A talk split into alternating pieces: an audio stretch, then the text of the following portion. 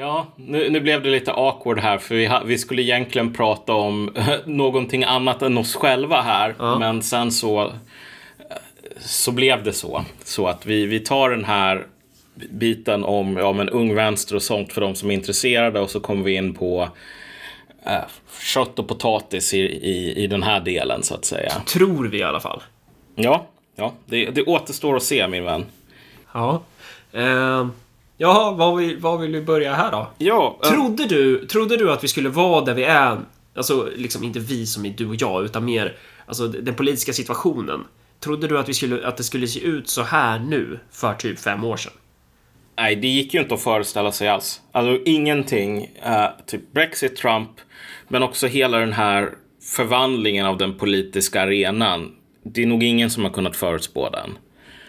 Um, och som jag nämnde lite tidigare, han Mark Fisher, den här boken Capitalist Realism skrevs ju typ 2011 eller 12 eller någonting sådant. Alltså, um, tidigt 10-tal, eller absoluta slutet på 00-talet. Och hela dess argument var ju att vi hade lämnat perioden där saker och ting ändrades bakom oss mer eller mindre.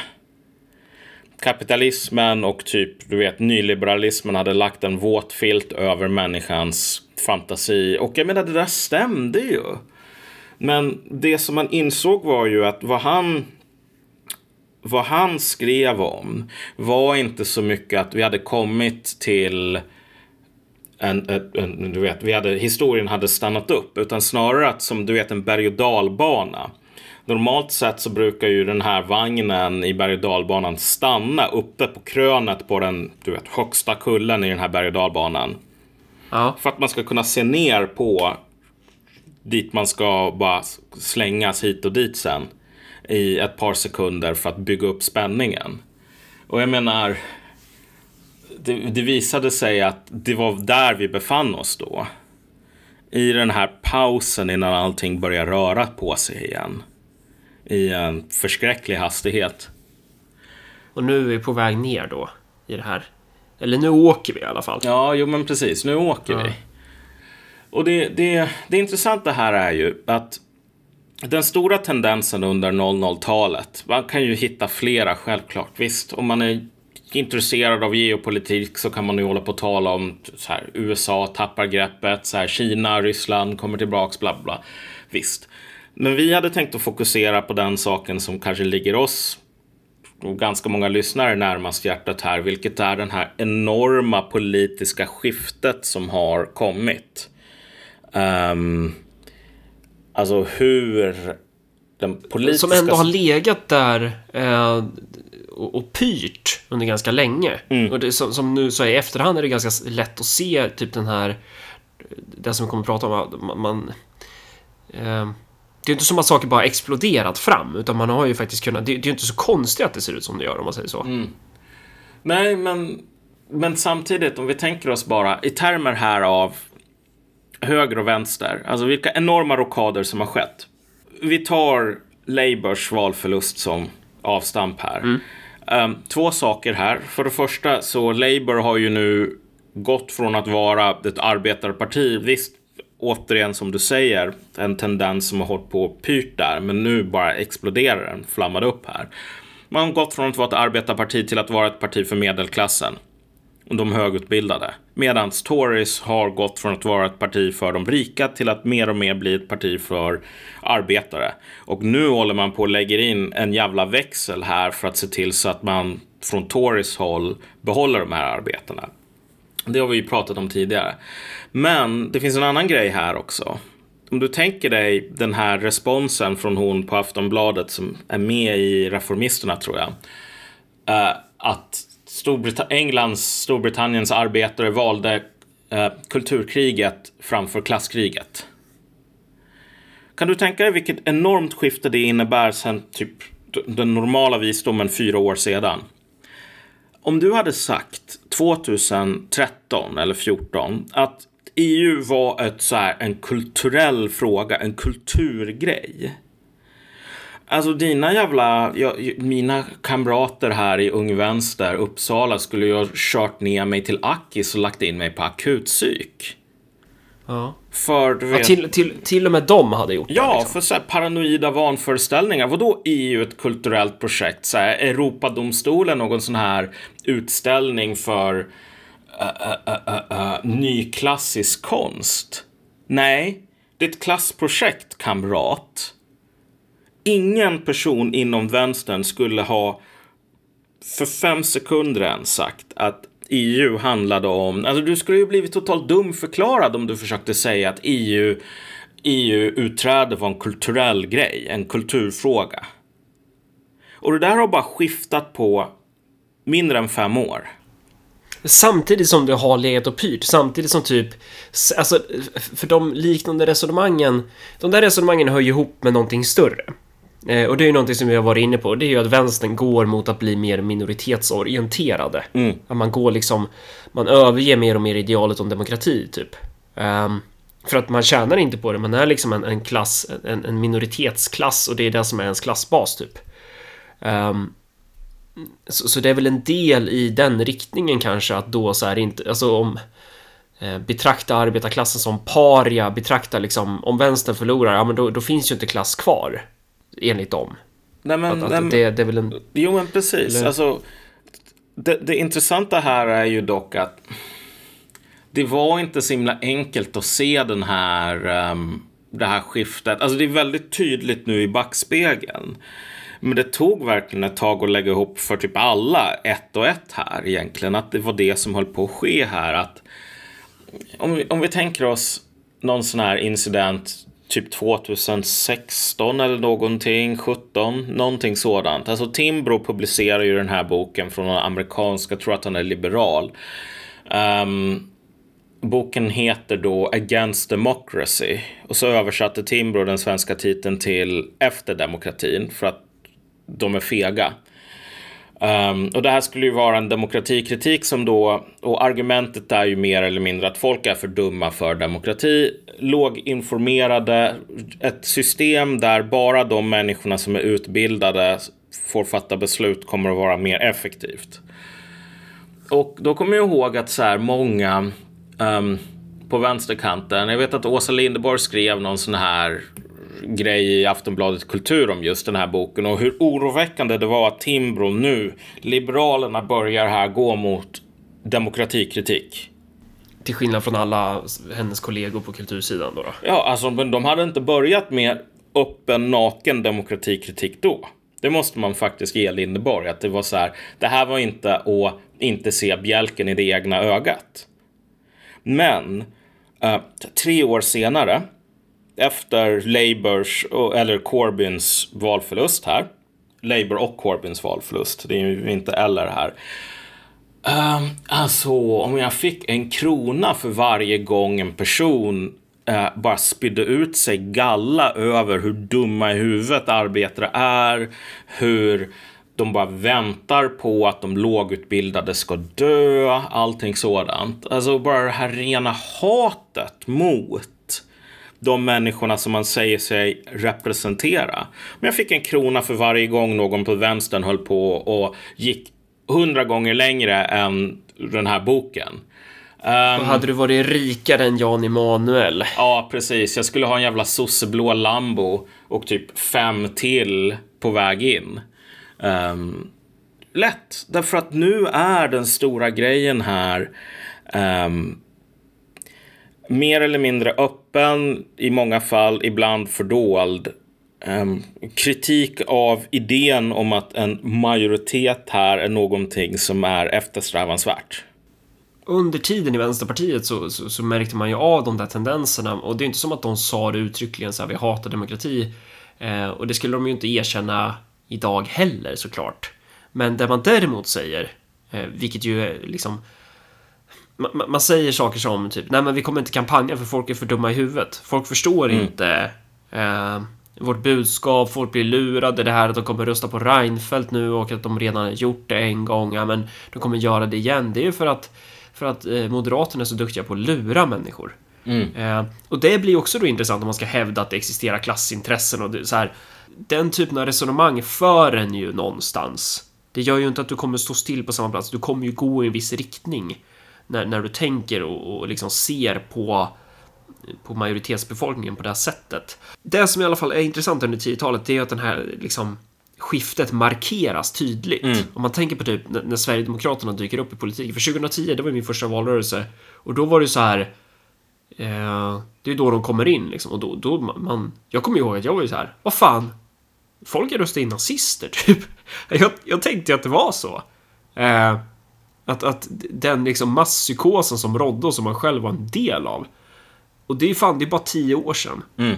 Men, men i och med SD så, så ställs ju saker på sin spets. Det är liksom så här, det, det är som att SD kommer in och bara så här, kramar ur den här handduken så att den här vätskan blir liksom mycket mer synlig och, och um, dels Sverigedemokraterna men också liksom invandringspolitiken överlag ställer ju saker på sin spets, alltså tvingar ju fram de här ytterligheterna mycket mer typ. Um, att man tvingar liksom vänstern mer och mer att löpa linan ut. Eh, och det där kommer vi väl se nu under det årtionde som kommer komma nu. Till exempel då här diskursen med så här klimatnödlägen och mm, ja, men den där millenarismen och, och eh, allt sånt. Typ att, att det kommer vara typ så här en demokrati eh, kritisk rörelse Mm. mer. Eller snarare, kanske inte demokrati, eller jo det blir det ju. Alltså majoritetskritisk rörelse är det ju. Och det är ju det som det här årtiondet som har gått präglades ju mycket av att det, man skulle bli mer och mer minoriteternas eh, minoriteternas parti eller minoriteternas rörelse. Typ. Mm. Men det intressanta här är ju att man kan verkligen nu vet jag inte, de kanske också har memory hole många av de artiklarna från just alltså, Trumps valseger. För jag kommer ihåg att det rådde en total apokalyptisk stämning på DN framförallt, men i många andra tidningar också. Att så här, nu, nu tar världen slut mer eller mindre. Uh, och, det, men det, var- det, den segern var ju inte så jävla otippad dock. Eller tyckte du det? Jag vann ju fan pengar Ja, på det. du vann ju Jag- pengar på det och jag trodde ju att chansen var 50-50 så. Men jag menar snarare så här att den här demokratikritiken gick verkligen i overdrive ehm, i samband med den segern. Men, men, men det intressanta här, om man nu ska uppehålla sig lite grann på det som vi har varit inne på här, den här det här skiftet, innan vi går och talar om vad, hur 20-talet kommer att se ut.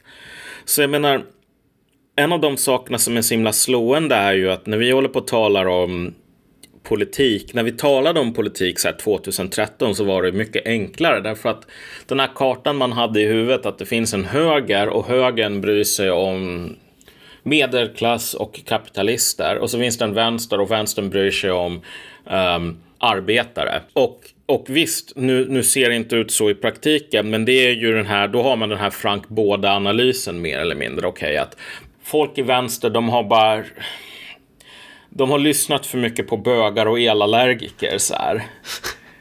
Ehm, men om de inte gjorde det, då skulle fortfarande den här vanliga kartan som, som man har litat på de senaste så här hundra åren eller någonting, den skulle fortfarande stämma. Men nu så ser vi ju hur det där har totalt gått sönder. Folk vet inte hur de ska hantera det. Varken högern eller vänstern vet hur de ska hantera det. Jag menar om du tänker dig så här. Jag menar mittenpartierna både på höger och vänster skulle helst vilja att vi inte hade mycket politik och så fick man typ turas om att styra. Ehm, om du tänker dig så här, demokrater och republikaner i USA. Jag tror att en majoritet av de insiders i de partierna skulle helst vilja att man kunde göra upp i hemlighet. Så att du vet, vi tar fyra år, ni tar fyra år och så behöver vi liksom inte hålla på och loss, ha så här en strid på kniven. Men sen så kommer någon sån här jävel som Trump in och bara förstör allting. Ja, och det är det som också SD är och, och lite så som de betraktar mig och Örebropartiet. Ja. Alltså den här outsidern, den här grisbajsluktande personen som bara kommer in som inte är en i gänget. Eh, och som stör ordningen, stör liksom de här tysta överenskommelserna man, som man har. Nu är det inte direkt så att man har de där överenskommelserna om så här att fyra år för dig, fyra år för mig. Men de skulle nog gärna vilja ha det. Ja, precis. Men den, den, den saken som är så otroligt intressant här är ju att olika sådana här händelser nu de senaste åren har verkligen avslöjat att vilka de här klassbaserna men också klassintressena som vinner i slutändan är. Um, I USA till exempel har du ju haft den här stora debatten bara inom typ vänstern. Alltså den har ju inte haft mycket genomslag ute i, i verkligheten därför att vänstern är så himla insulär. Men om du vet öppna gränser. Mm. Och det är så himla intressant att se, du vet, Tucker Carlson på Fox News. Um, han var ju i eh, någon debatt med en person från The Young Turks. Jag kan verkligen rekommendera uh, för den som inte har sett att gå ut på YouTube och kolla på Young Turks. Där de täcker Trumps val liksom, och går från vara så ja. jättelyckliga till att hålla på och gråta ungefär i studion. Men, men i alla fall, det är någon sån här lite typ vänsterpartist-ish snubbe så här. Som är ägaren av Young Turks. Och så är det Tucker Carlson, en hemsk ultrahöger, konservativ, libertarian, whatever. Och de håller på att diskutera invandring. Och det här är typ 2017 eller någonting. Och han, Schenk Ygur, säger så här. Du vet, när man, eh, när typ migrations, vad heter det, ICE, Immigrations Customs Enforcement Agency, när de gjorde något tillslag mot en sån här kycklingpaketerarfabrik skickade hem de här människorna som uppehöll sig illegalt i landet. Du vet den här kycklingfabriken, den kunde inte hitta några som arbetade där. Vi måste ha de här invandrarna. Och Tucker Carlson säger någonting i stil med, men vänta lite nu. Så du, du berättar för mig att bara den, du vet, den fria marknaden har sagt att så här, vi måste betala 10 kronor i timmen för att packa kyckling 12 timmar om dagen. Mm. Kanske så borde vi ha en politik som ser till så att en person som packar kyckling har ett drägligt liv. Istället för att hålla på och låtsas som att nej men vet du vad, det är typ det, den osynliga handen har sagt att de måste få 10 kronor i timmen. Ja, men hur skulle det annars se ut om de fick en dräglig lön? Och du vet, eh, uh, Schenk han, uh, han från vänstern, han blir helt ställd. Han vet inte hur han ska svara på det där. Därför att han har ju just hållit på och sagt att så här, det stora problemet med högern är att den inte tillåter den ekonomiskt rationella osynliga handeln göra arbetare så fattiga som typ de bara kan bli utan att svälta ihjäl. Det där är...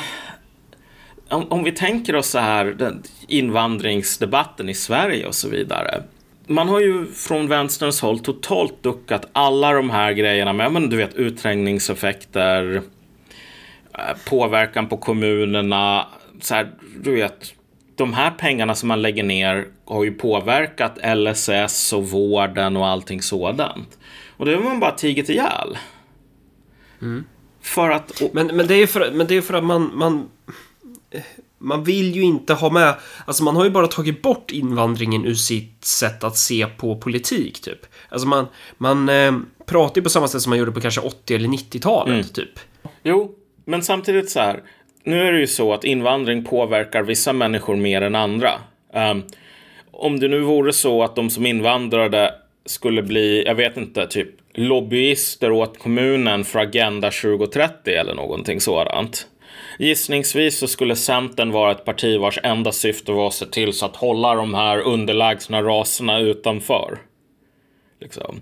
Men nu är det ju så att de här människorna eh, hoppas man ska bli fodora cyklister så att även en person som jobb, är journalist på SVT eh, har råd att ha massor med lågbetalda betjänter.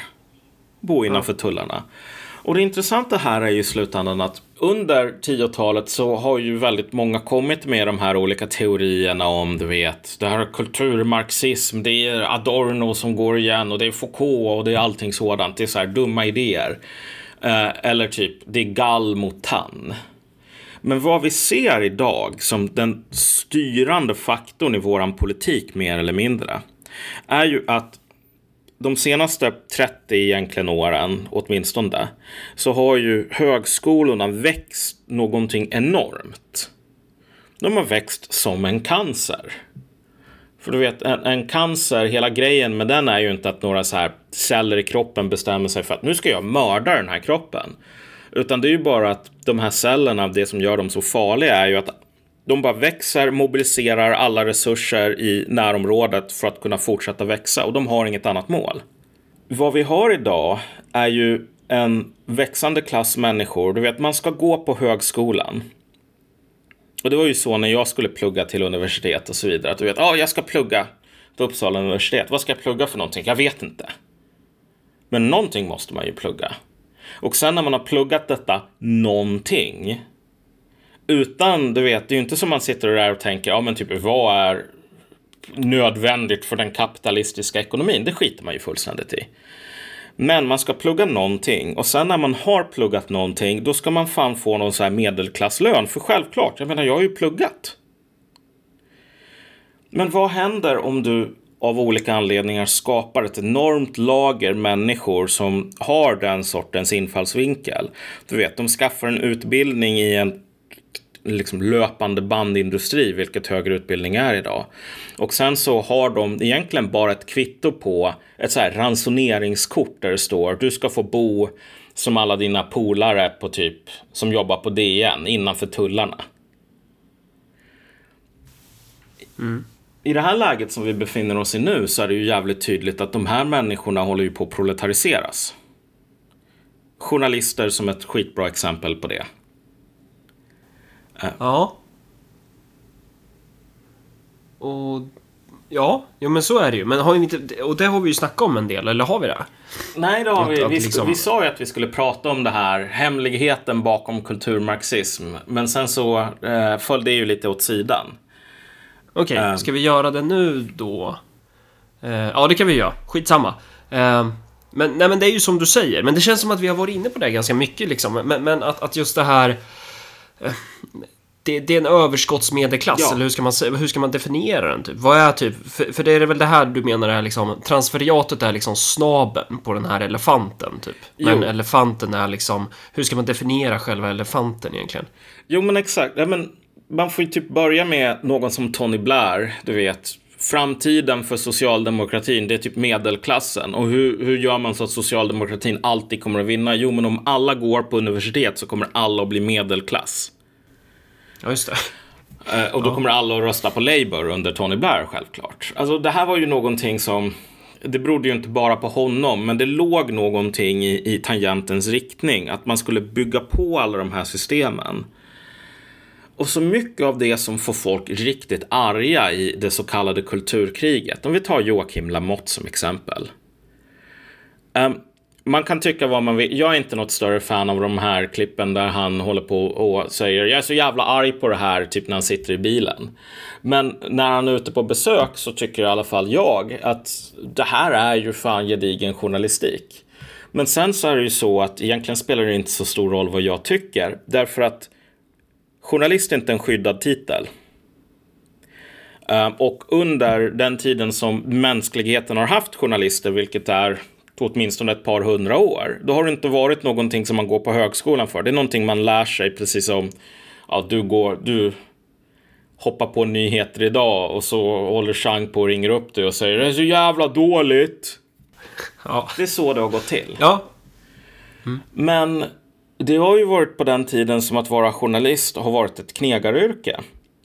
Men nu har vi ju en situation där människor på grund av att de har jättefina bety betyg och de har skrivit högt på högskoleprovet och de har gått på journalistlinjen på Södertörn. Därför så är de värda um, en medelklasslivsstil.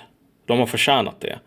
Men ekonomin kan inte bära det längre kan och kan. Det, det, det krävs ju uppoffringar. Det är ju därför politiken ser ut som det gör, bland annat för att vi har liksom den här medelklassen är ju beroende av en stat ja. för sin existens i, i, i mångt och mycket. Alltså, och då kan man argumentera för ja, men uh, tidningarna bär sig själva, medieindustrin bär sig själva och riktigt så är det ju inte i Sverige. Alltså 8 till 9 miljarder har väl public service. Det är ju ganska mycket pengar. Ja. Um, och så har vi presstödssystem och allt vad fan det är. Att det är uh, och, och, och medelklassen består ju av mer än bara journalister. Men just den här grejen med... Eh, det sker väl någon form av förflyttning Tror jag. Jag kan inte det här, jag vet inte det här. Men, men jag tror att det blir väl, alltså i takt med att man då eh, att medelklassen ökar så blir det väl också då en förflyttning från liksom produktiv sektor till någon annan form av sektor. Ja. Alltså, hur, hur ska man, hur ska man möta och med produktiv sektor så kan det vara typ så här, ja, men från industriarbetare på fabrik till Eh, vad tar vi för andra exempel? Ja, men journalister eller eh, kommunikatörer i, i kommunsektorn Mm. typ. Jag skulle säga så här att alltså det stora problemet, det som verkligen definierar politiken idag, är ju att den förflyttningen från det, om vi verkligen ska vara vulg och marxistiska här, det produktiva till det improduktiva, den har redan skett. Det som håller på att ske nu är ju snarare när, alltså, när, när, när kroppen håller på och fryser så stänger den ju ner blodkärlen till de, de delar som är mindre viktiga. Exakt. Och de som är mindre viktiga här, det är ju till exempel pensionärerna som konkurrerar om eh, ja, men offentliga medel, typ. Eller liksom eh, LSS... Eh, ba- barn som behöver liksom slangar i halsen för att kunna andas. De konkurrerar med, med kommunikatören om, om eh, skattemedel. Ja. Alltså det, det, det är här, och då kan man ju liksom såklart invända, men vad är det där för konstig uppställning? Jag kan ju lika gärna ställa upp att kommunikatören konkurrerar med typ kapitalisten eller någonting. Men riktigt så kanske det inte är. Det är om, det är om kapitalisten är skattefinansierad, såklart. Men, men just i det här exemplet, alltså, det finns en budget här. Och det finns en möjlighet. Eh,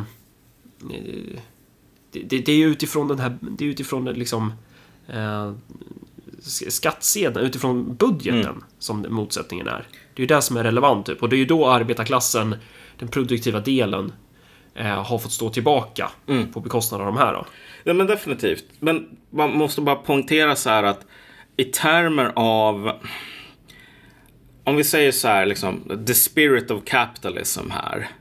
Eh, historien, kapitalismen, whatever. Så här, den har ju typ gjort tummen ner redan åt um, journalisterna på Metro och egentligen på DN och allt det där.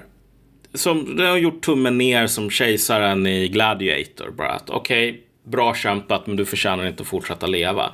Och nu är det ju olika former. Det som du talar om här, den här konkurrensen mellan för statens pengar är ju ett sätt att försöka förhindra att man proletariseras. Jo men precis, för då kan ju staten gå in och eh, under förteckningar typ så här garantera sanningen, skydda oss mot fake news, så här, rädda demokratin så kan vi så här, pumpa in en massa pengar i de här företagen då. I de här med media, ja i tv och tidningar och allt vad det är. Exakt. Um, och, och, och i slutändan, journalistik är ju egentligen det bästa exemplet just för att det finns så enorma förhoppningar som har växt upp egentligen bara under de senaste 30 åren på att det här är ett riktigt akademikeryrke och därför ska jag få en riktig akademikerlön och få akademikerrespekt när jag håller på med det. I ett läge där de, de, de rent ekonomiska förutsättningarna, de finns inte längre. Men poängen är ju att sådana här den här utbildningsindustrin som vi har i västvärlden som är fulla med människor som tänker exakt som jag, det vill säga att du vet jag vet inte vad jag pluggar, jag vet inte varför, men när jag väl har gjort det, då ska jag få en 40 000 kronor i månaden because I'm worth it. Uh, när de här människorna blir besvikna på att de inte får det, de blir radikaliserade. Och vi tänker oss så här revolutionerna 1848. Vilka var det som var bland de mest radikala där? Jo, människor som var engagerade i det döende skråväsendet. Ja, För att skråväsendet man- var på väg ut. Det var så här, du kunde inte längre vara en, en, en, en vad heter det nu, en sån här artisan, en, en hantverkare. Som höll på att tillverka skor, var med i någon så här skomakargille, massor med respekt, någon sorts liksom, jobbsäkerhet, massor med regler mot att du får inte tillverka skor om du inte är med i det här skomakargillet. Allt det där höll på att slå sönder och sen så är det så, vilka tillverkar skor? Jo, någon sån här utbytbara knegare på någon skofabrik. Det här försökte man de stoppa. kanske inte ens tillverkar och de kanske inte ens tillverkar skor utan de kanske bara tillverkar typ en artondel av Ja. skon, typ. De gör bara de här hålen som man kör snörena igenom. Typ. Precis. Men när man ändå är inne på det där med liksom hur produktionen utvecklas, för att alltså skor har vi ju tillverkat i, i hela mänsklighetens historia i princip. Mm. Eh, och ibland har det varit av skråväsenden och ibland har det varit på fabriker. Ibland har det varit bara någon idiot som sitter och syr i läder från något djur som man har fällt i skogen typ. Men eh, sättet man tillverkar på är ju det som det är ju det som skiljer. Alltså, typ så här, vi, vi har, genom hela historien har vi haft transporter. Eh, bara det att vi har inte hästdroskor Mm. längre. Idag har vi bilar. Eh, det betyder ju inte att så här vi, vi har haft journalister genom hela historien. Det betyder ju inte att journalistiken kommer dö bara för att SVT dör. Nej. Utan journalistiken kommer ju leva kvar. Den kommer ju liksom ehm, rationaliseras. Det kommer ju bli en annan form. Det kommer mer vara så här, ja men Chang Frick-modellen. Typ. Mm. Och det är där man vill parera då med, med eh, offentliga sektorns resurser. Ja. Det intressanta är ju så här, när 10-talet började, då gick det ju fortfarande att tro på den här, på ett plan, självbilden som vänstern hade att säga, okej, okay, men vi talar för arbetarnas intressen, vi är bara jävligt dåliga på det. Liksom. Vi, vi bara fuckar upp allting och, och hamnar på irrvägar, men, men vi vill, vi har en ärlig upp ett ärligt uppsåt, en ärlig vilja att tala för arbetarnas intressen. Alltså så här, det gick ju att tro på då, men det var ju, anledningen var ju att den här medelklassen som vänstern bestod av, den kände inte lukten av sitt eget blod i vattnet. Alltså fick inte den här materiella dödsångesten fram, fram till ett par år senare. Där den inte längre kunde hålla på och låtsas vara de här oskarianska societetsdamerna som håller på med välgörenhet. Därför att nu var det de som blödde. Och det intressanta här är ju i slutändan att det här har ju orsakat lika stora problem, eller väldigt stora problem för högern i alla fall. Därför att högern var inte heller beredd på eh, Alltså högern ville ha någon sorts typ Saltsjöbads whatever så här att vi skulle leva på 70-talet fortfarande, vilket är att det finns. Det finns en del ingenjörer och så finns det um, en del lärare och lärarna röstar på Folkpartiet typ. Um, av någon anledning. Och sen så finns det knegare som jobbar på Volvofabriken och så finns det typ Wallenbergsfären som äger massor med fabriker. Och så ska högern hålla på att navigera igenom det. det då vet de vad de vad de har att göra med. Men i ett läge där den stora politiska konflikten handlar om fördolt bakom ett, en, en hinna av identitetspolitik som låtsas att det här är bara idéer som flyger runt. Så blir konflikten nu istället mellan den här medelklassen som återigen pluggar på universitet, känner jag förtjänar en 45 000 i månaden i ingångslön för jag har pluggat på universitet och så finns inte det. Och så måste staten gå in och täcka mellanskillnaden. Subventionera, skydda de här skråväsendena från ekonomins gång. Och för att göra det, de måste ta statens jävla resurser i anspråk på två sätt. Dels genom att hålla på och skifta över så här att nej, vet du vad? Landstingen ska inte syssla med sjukvård, utan en procent av deras budget ska gå till konst. Um, okej, okay, det här är ett sätt för konstnärer att överleva. Det, det, det, är inte, det finns inget annat än materiellt intresse där. Det är exakt så som det låter när man säger att eh, vi ska slopa enprocentsregeln. Mm. Då kommer det någon konstnär och säger så här, jaha, man ska inte kunna leva på sin konst. Mm. Alltså att, att de, de, de vet ju själva att de lever på, på skattemedel. Att, att det inte ens finns i deras värld att kunna tänka typ så här, ja men du kanske, om någon vill ha din jävla konst så good for you, typ. Det är bara att lägga ut det på Blocket. Liksom. Ja.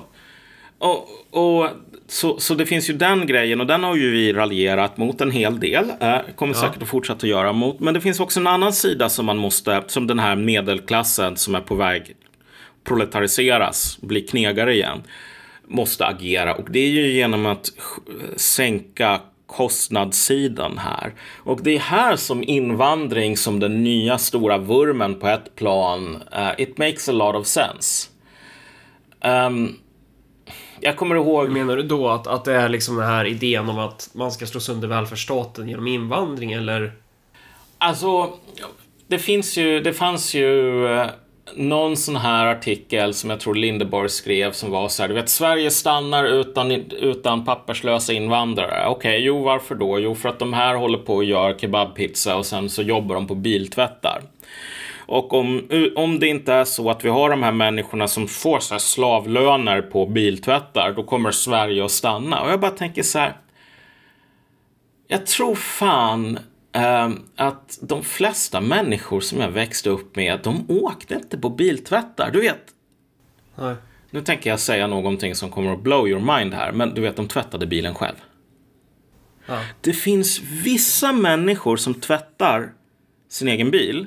Och för dem så kommer antagligen inte livet att kollapsa om de här slavarbetarna försvinner. Det kanske till och med att någon av dem kan typ ta ett jobb, sommarjobb på en biltvätt och få en dräglig lön. Men för de, vet du vilka som livet kommer att kollapsa för om bil, slavbiltvättarna försvinner? Jo, det är de människorna som inte tvättar sin jävla bil själv. Som tillhör den klassen där det är bara en del av paketet. Att man ska ha eh, olika betjänter som gör de här funktionerna så att man kan hålla på och skriva typ kulturrecensioner istället. Eh, och det här är ju den stora fasaden här. Att man håller på att mm. tala från en position av så här allmän intresse. Medan man egentligen försvarar, alltså det är ju inte så att det är en lögn att så här, du vet, man kan ta bort de här papperslösa och så kommer ingenting att ändras. Ingenting kommer att bli sämre. Det kommer att bli sämre för vissa. Och här är ju lite grann problemet med den här med, vi var ju inne på det om att det blir dyrare och dyrare att vara den här medelklasspersonen. Okej, okay, men det, vad det innebär är ju att man måste hålla på med hyperexploatering för de här servopersonalen som ska se till så att man kan leva på den här medelklassnivån. Eh, så att alltså i slutändan, det finns ju det finns två, två funktioner här. Dels är det den direkta så här att om du har massor med slavarbetare som jobbar, okej, okay, billigare biltvätt, jippi. Den andra biten är ju att ju mer slavarbetare som du har i en ekonomi, desto mer disciplinerar du den inhemska arbetarklassen. Nu säger ju självklart vänstern så här, nej men vet du vad, du kan importera hur många människor som helst. Vi ska bara skapa världens finaste superduper fack. Och så kommer vi att typ göra revolution och så kommer alla människor att åka runt i fullt automatiserad lyxkommunism.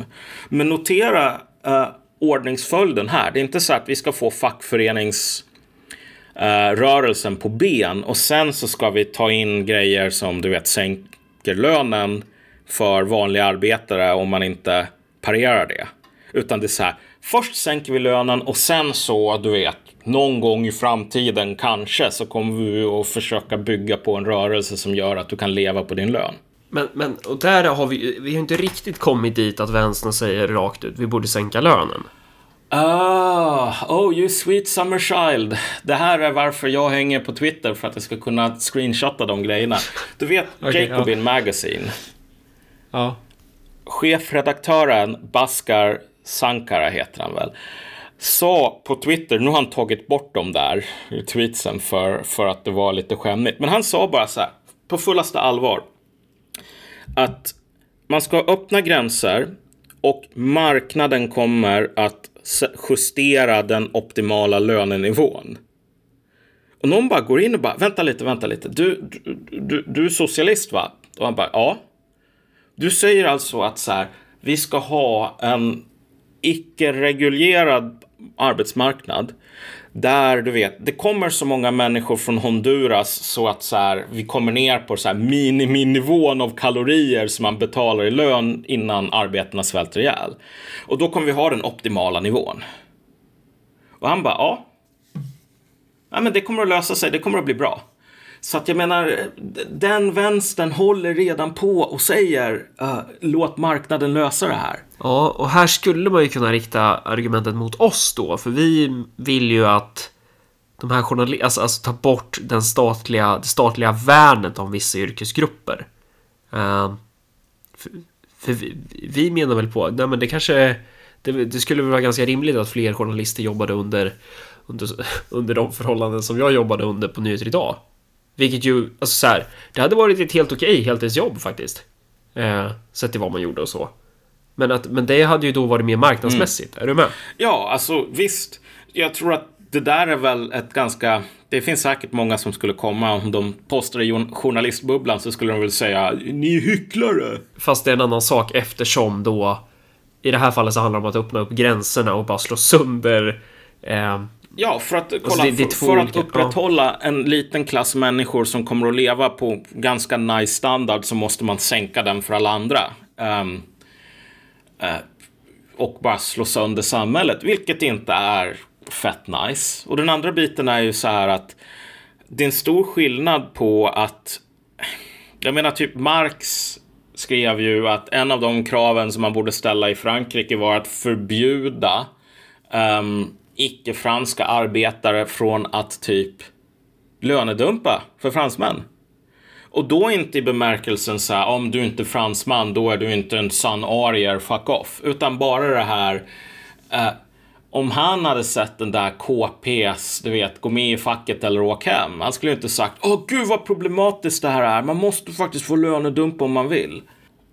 Det, det, det är en, men han skulle inte sagt så här, jo men du vet, därför att jag inte gillar lönedumpning så tycker jag att vi måste exploatera arbetarna ännu mer så att medelklassen kan typ köpa en extra semester på Teneriffa. Um, men, men, men, men problemet är ju att de här två sakerna tillsammans, den här medelklassen som dels vill pressa ner priserna på den konsumtionen som man tar del av direkt. Um, och disciplinera arbetarna medan man ändå håller på med det. Och sen hålla på att flytta över resurser från staten. Um, det har ju lett till det så kallade kulturkriget som vi enligt uppgift befinner oss i just nu. Och jag vill bara poängtera någonting för många lyssnare här som bara tänker alltså gud vad vänstern, de är så jävla dumma i huvudet. De bara håller på, du vet, vita cismen, varför klagar de på det? De bara, åh boomers, varför hatar de boomers? De är bara så himla dumma i huvudet, dumma idéer. Så här, vad har alla de här grupperna som vänstern verkligen avskyr och håller på och typ skanderar mot gemensamt? Och återigen, det är inte bara folk som kallar sig vänstern, det är massor med liberaler på universitet också som håller på med det. Ja, det, de, det de har gemensamt är ju att de är ett hot om, om försörjning. Alltså, Exakt. Alltså pensionärer är ju ett, pensionärerna är ett hot eh, mot möjlig, alltså, ja, pensionärer är ett hot mot möjligheten att avlöna en kommunikatör för det är samma kassa i, i princip. Det är samma liksom inkomstkälla som man drar deras försörjning ifrån. Eh, och det där, för, för hatet mot Ja men typ såhär bensinupproret, alla sådana där, alltså de, de, den här vänstern, de hatar ju den typen av människor. Mm. Alltså, det var så himla intressant att se. Um, direkt efter den här valförlusten för Labour. Hur folk bara sa att du vet, jag håller på att typ skälla ut gamla på bussen och bara ska vara så här elak mot gamlingar på tunnelbanan. Alltså sådär. Många av dem gjorde ju inte någonting annat än att knyta näven i fickan. Men bara ändå att man kommer på den idén. Um, men grejen är så här, vad, har, vad, vad är det som är så specifikt för en typ en, en, en, en gammal svensk pensionär, faster Agda här, Jo, antagligen så har hon jobbat på någon vårdcentral i så här 40-50 år och slitit ut hela kroppen. Betalat in bland världens högsta skatter. Och nu när hon går i pension då har hon ett claim. Hon har ett ransoneringskort där det står jag har rätt till så här och så här mycket av statens resurser.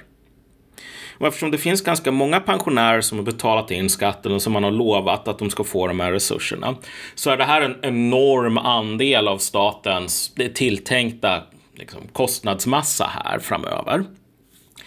Och det stora problemet är ju så här att ge, genom konventionell sån här gammal arbetarmoral Faster Agda har ett vattentätt case. Ingen jävla snorunge eller zoomer eller rasifierad bipock kan komma till faster Agda och säga vet du vad, jag har mer rätt till de här pengarna och få det erkänt. Vad hon kommer att få höra från Ronny och Conny och Sonny och typ alla gamla sossar innan den här generationen, det är så här, vet du vad? Om du jobbar i 40 år, då kommer du ha lika stor rätt som henne. Så ut och jobba där innan du försöker sno hennes pengar. Alltså, problemet med så här vita arbetare är ungefär likadant. För notera, du behöver inte vara vit för att bli en vit arbetare enligt vänstern. Du behöver inte vara svensk för att bli en vit arbetare. Du behöver inte vara brittisk, du behöver inte vara amerikan. Du kan vara en jävla iranier som typ klivit av båten igår i princip. Det som gör dig till en vit arbetare är att du upplever att eftersom du är medborgare i det här samhället och du vet, du har gjort din plikt och du kräver din rätt och så vidare. Då har du en rättighet att säga till staten, hör du, Ditt jobb är fan att se till så att det som händer mig inte är det som Marx menar typ kommer att hända om man släpper marknaden fri, vilket är att ersättningen för en knegare förr eller senare kommer att gå ner så nära det kaloriantal som behövs för att den här personen ska kunna gå till jobbet imorgon utan att svälta ihjäl. Här är problemet, om du är svensk i Sverige så upplever du att du har någon jävla rättighet till ett drägligt liv. Och att statens uppgift är att se till så att du inte blir gjord till Soylent Green för att spara på pengar. En person som är en papperslös kan man ju köra runt med hur som helst. Den här personen kan inte säga, vet du vad? Jag förtjänar bättre än så här. Eller kommer inte kunna ha så mycket liksom moralisk kraft bakom det argumentet. Så att... Men frågan är ju hur jävla, alltså, alltså hur medvetet det är. Det är ju det som är grejen att fortfarande... Jag, jag tror inte det är medvetet alls, men det är det som är nice med klassideologier, att de är väldigt sällan Ja, nej men exakt. Ja. Ja. Det, och, och, och, ibland så blir det väl mer att man har ett incitament för det här. Mm. Då kommer man ju gå åt det hållet automatiskt. Kanske även om man inte ens vet om det. Uh, men, men nu har vi pratat om, om, om den liksom klassen. Vi har ju inte ringat in den så mycket mer än vad vi gjort tidigare kanske. Men det kanske vi inte ska göra nu. Om, vi ska, om, om avsnittets tema ska mm. vara liksom någon slags prognos. Typ. Ja, Uh, Nej men precis, Nej, men det, var, det var viktigt att gå in relevant. på de här så att folk vet vad vi pratar jo. om här när, med det här stora ja, skiftet. Abs abs absolut, uh, och det, det, är väl, vad ska man säga, för det är väl det som gör att vänstern blir minoritetsorienterad. Ja. Eh, och, och, och det är det, för att dit vi vill komma är ju liksom att vi kommer få se en konflikt mellan minoritetsorienterade politiska eh, rörelser och majoritetsorienterade politiska rörelser, varav den så kallade högerpopulismen, som ju är jävligt... Eh, det, det, det skiljer sig mellan land till land och så. Men det som, det, någonting som är gemensamt, ett gemensamt drag är väl att de tenderar att vara majoritetsorienterade. Alltså att, att majoriteten ska styra, det är någonting positivt. Och här skulle den gamla socialdemokratin vara rörande överens med, med de här personerna. Ja, exakt. Eh, för det, det utmärkte ju den gamla socialdemokratin, det var ju massrörelse. Eh, men dagens vänster är ju liksom, det är en, en klassbas som, som är beroende av att äta på arbetarklassen på ett eller annat sätt. Och det kan man utveckla mer så, men, men, men som har starka incitament för ett, eh, att, att börja inskränka majoritetens makt. Och sättet man skulle göra det på, för, för det är ju då... Vänstern pratar ju fortfarande om så här, vi behöver statlig expansion. Vi måste, vi, måste för, vi måste expandera statens eh, ansvarsområden. Och förr, då kanske man pratade om det av andra anledningar. Då kanske det var, var mer socialistiska anledningar. Men anledningen till varför man pratar om det idag, det är ju mer så här jag menar, att slå vakt om den egna klassbasens mm. intressen. Det ligger liksom inte i... För, för, när, för när man säger så här, men vi, vi ska investera väldigt mycket mer på sjukvård, då är det faktiskt inte bara sjukvård i det där paketet. Utan det är ju 1% konst, det är liksom 10% sjukvårdskommunikatörer och sen så ska du ha 5% ehm, medvetandegörande utbildning. Ehm, och det är ju det som då, hade du haft en rörelse som är mycket mer så här klassorienterad åt folkflertalets intressen, då hade man ju sagt så här, nej men det här med medvetandegörande utbildning som hbtq-certifikat eller vad det nu kan vara det, det, har inte vi något intresse av att lägga en enda skattekrona på. Alla pengar ska till kärnverksamheten.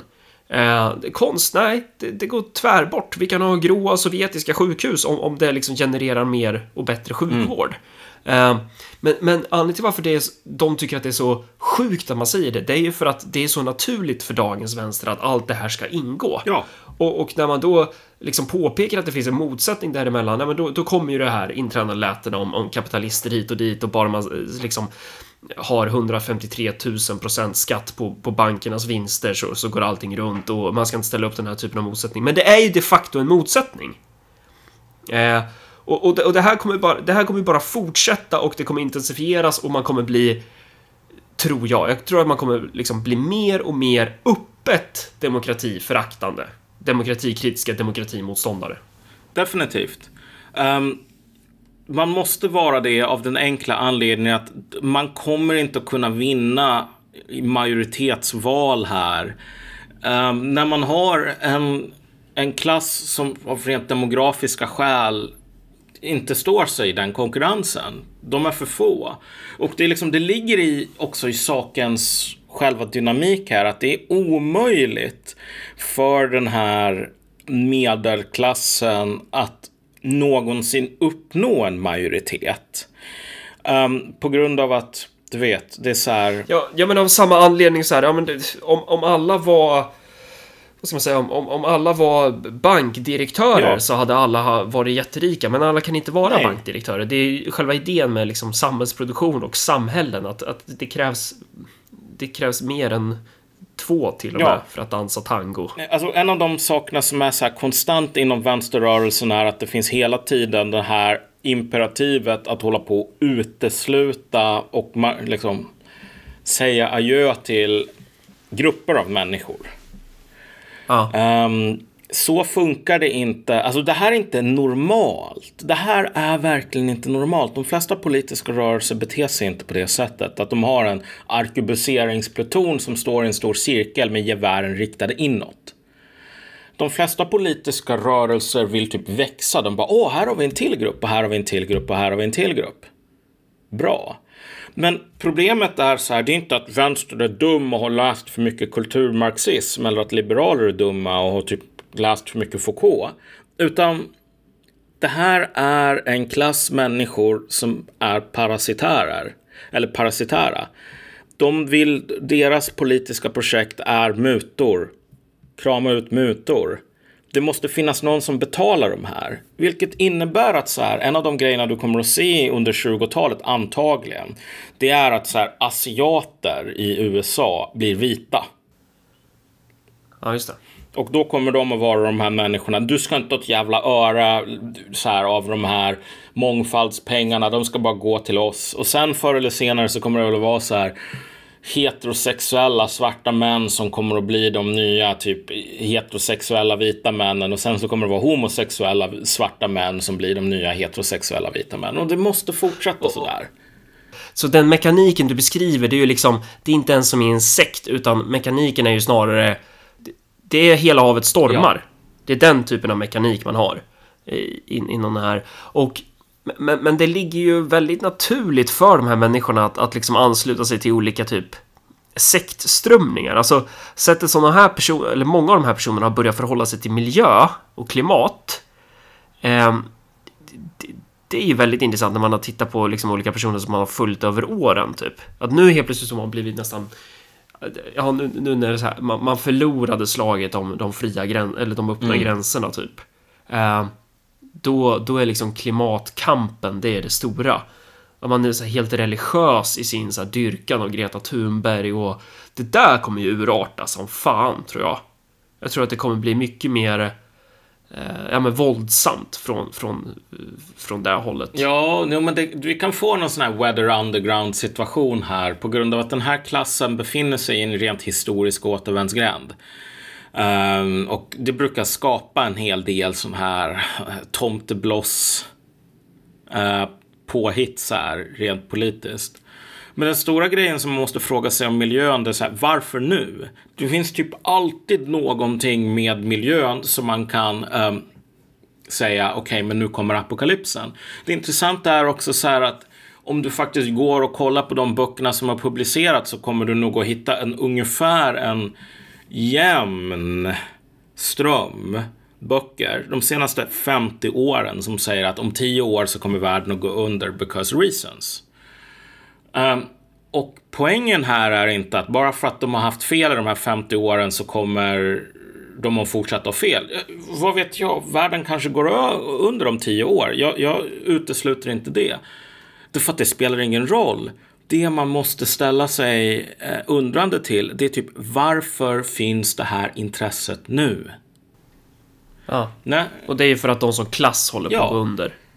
Och det har vi också snackat om. Men, men i den här riktningen så ligger det ju också Um, alltså man vill, man vill gå in och göra massa instrumentella åtgärder i institutioner. Ja. Alltså till exempel, man, man kommer vilja ha så här expertspärrar. Um, ska, är det rimligt att riksdagen kan lägga viss, vissa förslag som helst? Borde inte typ eh vissa jurister vara experter på det här och garantera så att mm. citat mänskliga rättigheter inte kränks? Är det rimligt att, att politikerna i Örebro kommun lägger egen budget? Borde inte tjänstemännen som är lite bättre lämpade på det där eh, fixade ja. och så vidare. Alltså man kommer successivt kommer makten förflyttas från politiska organ till tjänstemännen. Och grejen är ju den att om man tittar på liksom politikereliten som klassskikt idag så frågan är ju vad de, alltså när den här förflyttningen sker i kommunen i alla fall här i Örebro så reagerar ju många politiker med att det är skönt. Mm. Att det är liksom något, något positivt. För att de här politikerna, de liksom, ja men ju mindre de har att göra desto, desto skönare är det ju. Eh, de har ju inte den här liksom lojaliteten till att så här, ja, men om, om någon tjänsteman försöker ta din turf, då ska du hugga av handen. Du ska, du ska liksom bort med tassarna. Mm. Det, det, det, finns en anledning till varför politikerna sköter det här och tjänstemännen ska liksom hålla sig i bakgrunden. Men jag tror att dagens politikerkår kommer ju snarare bjuda in till det här. Dels för att man är inkompetent och, och dålig, så att tjänstemännen kommer göra ett bättre jobb.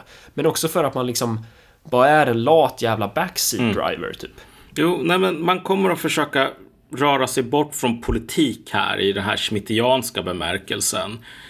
Um, som politik då som området där man ställer sig frågor om hur samhället ska se ut och vad som är rätt och vad som är fel. Till bara en förvaltning av antaganden och värderingar och beslut som ingen vill tala öppet om, som ligger i det dolda, för vi har redan bestämt vad som gäller. Vilka, vi, vilka är vi? Ja, nej, men det ska inte du ha någonting att göra med, din jävla bonde.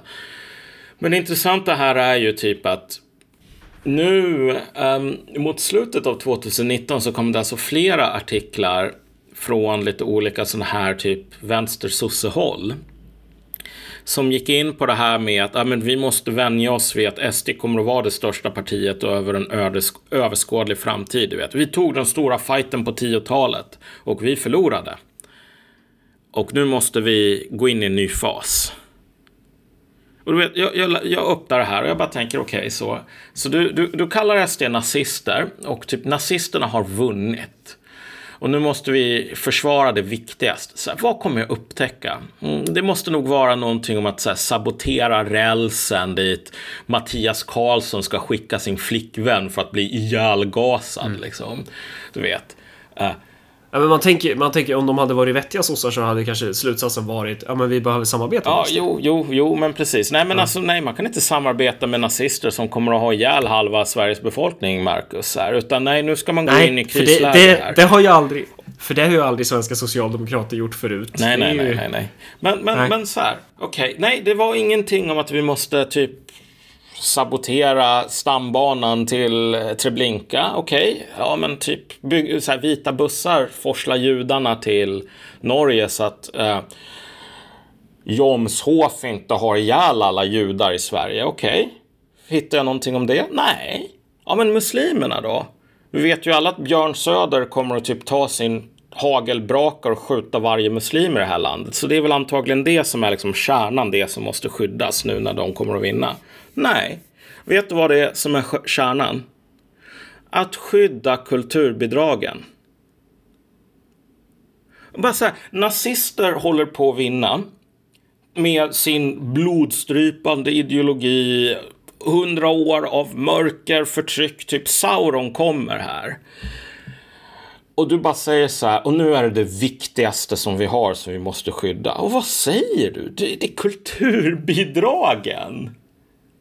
Och med kulturbidragen, för det här ska man komma ihåg att jag, jag tror ju inte att SD kommer ta bort alla kulturbidrag, men jag tror att de kommer vilja ha eh, de kommer kanske inte vara lika pigga på att typ så här eh, finansiera eh, mäns konst i tunnelbanan, typ. Ja, men alltså jag, jag, skulle väl säga så här. Jag kan ha fel om det här, jag kanske omvärderar min åsikt. Men jag tror att så här, 90% av rädslan för SD handlar inte så mycket om vad de har sagt att de ska göra eller vad man tror att de ska göra, utan där handlar det om klass. Och det handlar om att man inte har, SD ingår inte i ett visst omerta. Men så, så, är, ju, så är ju reaktionen från kulturarbetare mot Örebropartiet ja, också. Exakt, exakt. Det, men återigen, notera att det är faktiskt ingen än så länge som säger så här, vi måste hålla på och göra motstånd mot Örebropartiet därför att så här, de vill döda alla judar.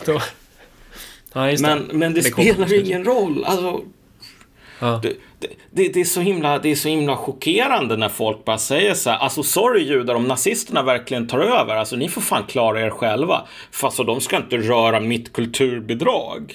Det, det är det jag kommer att fokusera på. Det visar ju bara vilken ihålig lögn det här är. Och återigen, problemet med SD är ju socialt snarare än så här klass i någon bara inkomstbemärkelse här. Problemet är att du vet, moderater, där vet man att om man tar den här public service-grejen. Det finns massor med moderater i Stockholm och i partistyrelsen och ditten och datten som är så här kompis med de här journalisterna och konstnärerna och typ gift med någon mellanchef på SVT och så vidare. Ja men alltså vadå, den den där högern är ju lika mycket höger som, alltså den är ju lika true till sina ideal som typ de här så kallade socialisterna inom svensk vänster. Alltså de, de, de böjer sig när det är dags. Ja. Jonas Sjöstedt står upp och, Men- går upp och är jättekaxig och ska fälla Löfven-regeringen sen så lägger han sig platt direkt efter som en jävla dörrmatta. Moderaterna går upp och de, de säger så här, ja men eh, det är klart att vi ska lägga ner public service och så gör de inte det i alla fall. Jo, men alltså, vad, precis. Och grejen är ju bara så här att, alltså, och nu låter jag bara väldigt plump här, men det här menar jag inte som en överdrift. Att om Moderaterna hade gjort den här grejen mot public service så är det ett antal moderater som typ inte skulle ha fått knulla. Därför att deras fru eller man eller fru syrra eller vad det nu är kommer just ha blivit fått sparken. Men, men, men då tänker man ju att om de här moderaterna vill knulla eh, och är lite kreativa så kanske de kunde ha bekostat lite nya medier då för för sitt jävla partistöd typ eller för liksom det är inte som att Moderaterna är ett fattigt parti. De skulle ju kunna byggt egna mediasatsningar då. Eh, Ja, nej men, Men nej, men, men, men, men det är ju, problemet är ju bara så här, Moderaterna kan ju inte subventionera hela den här medelklassklägget ur sin egen partikassa. nej, inte hela klägget nej. Nej, och jag menar, du vet, alla de här människorna är ju typ gifta, har barn med hela klägget, sådär. Alltså de ingår i den miljön. Problemet med SD är ju att de består av såna här alltså, sociala parior. Outsiders. Outcasts. Det är ingen jävla mellanchef på SVT som vill liksom... eh, eh, Och, där, och där kan man ju också tänka på hur jävla efterbliven den där, eller så här, det är ju bra att de har gjort så eh, med tanke på att det kommer kanske då inte hindra SD från att, att hugga, hugga på den mot den här klassen liksom. Men, men om man tänker om typ så här SVT och de här journalisterna hade varit typ schysstare mot SD. Att de, att de hade börjat liksom gifta in sig mellan varann. Då hade ju kanske SD också fegat Ja. ur när det väl gäller. Jo, men precis. Jo, det hade ju, det hade ju varit en, eh, den taktiska, taktisk relationsbildning här för att förhindra att de trycker på den här stora röda knappen. Men nu har man ju så att säga isolerat dem istället, vilket gör att alltså, man kan inte förlita sig på den här rent grundläggande mellanmänskliga solidariteten här. Att så här, man, man borstar varandras rygg här. Och jag menar, det är det som man är rädd för i slutändan. Jag menar, alltså jag kan inte ta en person på allvar som säger så här, ja men du vet, snart så kommer folkmorden att börja. Därför tänker jag rädda det viktigaste, vilket är att jag ska få fortsätta göra menskonst konst för sniglar. Ingen människa är så sjuk i huvudet. Utan vad den personen säger är att oj, shit, nu behöver jag gömma mig bakom ett fikonlöv därför att jag kan inte riktigt säga att jag har alltid skitit i politiken och allt det här. Det är bara någonting jag har sagt för att passa in. Men nu håller jag på att förlora jobbet och jag kommer inte att hitta något jävla gig åt ABB och göra menskost för sniglar. Ja. Jag menar, och det är så himla transparent. Det är liksom flera sådana här artiklar. Någon annan talade om att du vet, vänstern måste erövra de kulturella produktionsmedlen. Och typ någon sån här jävla vänstersosse säger så här. Marx talade om produktionsmedel, så här fabriker och sånt. Men det finns också kulturella produktionsmedel som är typ eh, och jobbar på någon sossetankesmedja. Det är ett produktionsmedel för kulturen och vi måste behålla dem därför att det är det enda sättet att skydda oss mot SD. Jag bara tänker så här, det här- jävla, har det här hänt? jävla mongo. Du vet, du har suttit Har på det de här här hänt? produktionsmedlen de senaste tio åren och SD är största parti. Har det här hänt? Ja, jag får ta det gräva hänt? upp den här artikeln om de kulturella produktionsmedlen. Eh, och jag bara tänker så här. Om du var ett dugg ärlig här, eller hade någon skam i kroppen, så skulle du inse att du har redan sagt så här. Jag måste köpa den här foliehatten och lägga ner 100 000 i månaden på den. För att du vet, så länge jag har foliehatten på mig så förhindrar den regn. Jag bara, men det regnar ute. Ja. Okej, men den har misslyckats. Ja, men vi måste fortsätta spendera pengar på foliehattar. Ja, okej. Okay. Varför då? Ah, nej, men bara för att. Det har ingenting att göra med att, du vet, annars så blir jag arbetslös. Och typ tänk det här också att så här, vi har en budgetpost som folk har föreslagit att man ska grundlagsskydda. Vilken är den? Är det militären? Är det polisen? Är det domstolarna? Är det typ vård av handikappade barn? Är det pensionerna? Är det psykvården? Det här är min, vem är det som har för... Vad, är det kultursektorn då såklart? Public service. Jaha, va? Vilka är det som har föreslagit det? Jag kommer inte ihåg. Det var ju så här snack om att man skulle... Vi måste införa att så här, man får inte skära ner på public service i grundlagen. Och jag bara tänker så här, alltså för det första, det är en jävligt dum idé. Självklart så ska den svenska befolkningen få kunna bestämma vad fan den nu själv väljer att lägga sina egna jävla pengar på. Men om man nu ska vara en antidemokrat för den goda sakens skull. Fucking börja med public service.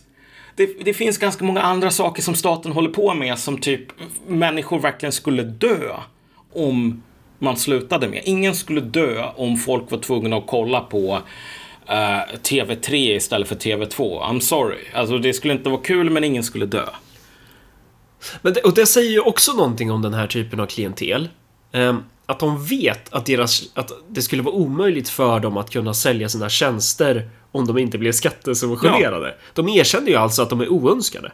Alltså det hade ju varit en sak att vara så här, ha lite jävla stake och bara ah, fuck it. Så här, om inte jag får jobb inom staten då startar jag då säljer jag min menskonst till högstbjudande ändå. För det, det finns så jävla mycket, det, det är så stor marknad. Så bara, nej, okej, man, man är alltså beroende av att Stockholms stad köper in det.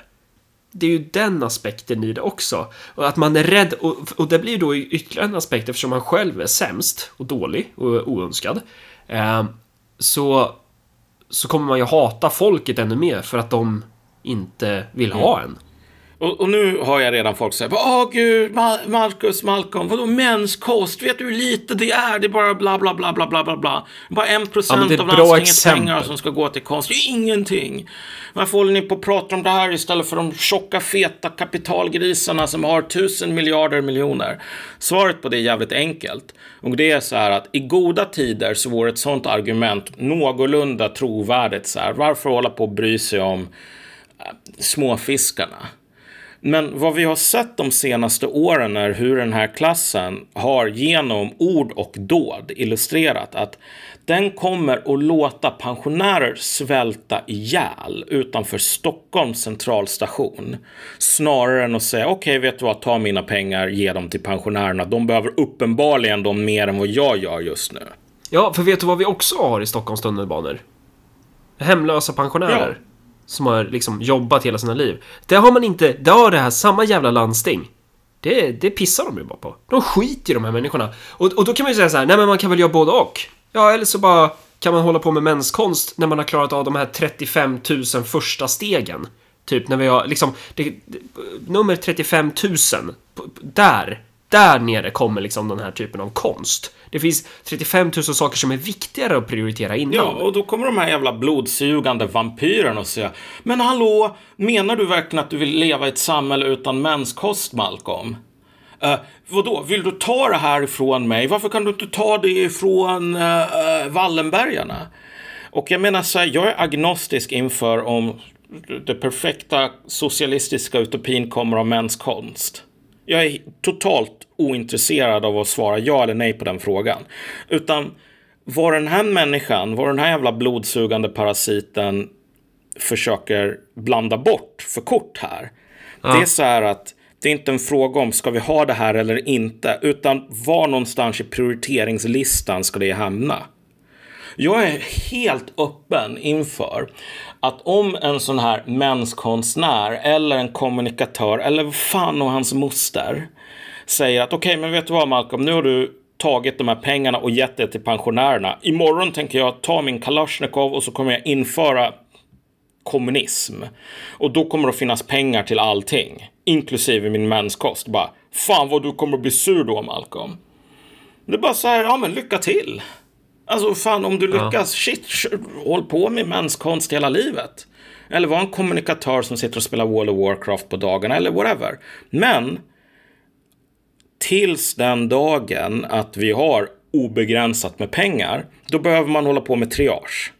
Man behöver prioritera ja. olika utgiftsposter. Och jag tänker fan i mig prioritera uh, hemlösa pensionärer i tunnelbanan framför menskonst i tunnelbanan.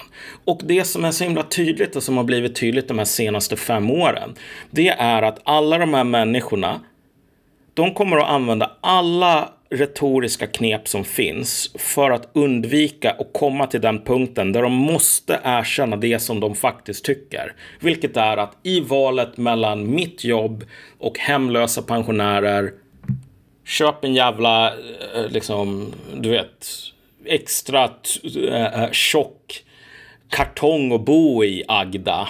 För du får fan inte röra mina pengar. Staten ska finnas till för att finansiera mig i första hand och dig i typ femte hand. Ja. Um, men se till, se till så att den är ekologisk. Ja, precis. Jo, men det måste den vara. Du måste, när du köper din jävla kartong att bo i som hemlös så måste du fan, staten ska ta någon sån här 50% moms där typ de här pengarna ska gå till hållbarhets uh, uh, uh, konsulter för eh, eh, kartonger. Alltså det kommer att vara på den nivån. Eh, det, det tråkiga med att hålla på och raljera om de här sakerna, att saker som man satt och raljerade om 2016, det är bara så här vardagsmat idag. Så den här sortens nakna typ fuck you got mine som vi håller på och raljerar och skämtar om nu, det kommer att vara vardag om en fem år. I mitten av 20-talet så kommer det att vara helt acceptabelt att säga Uh, det är bara så här vita cis-kolonisatörer som tycker att om man har jobbat ett helt liv så ska man få en pension. Det... Och här kan man väl spoila lite.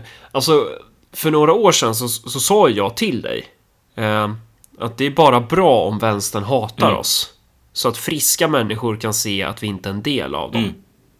Och det är ju, alltså, för varje jävla steg vi tagit så har ju de här jävla idioterna gjort jobbet mm. åt oss.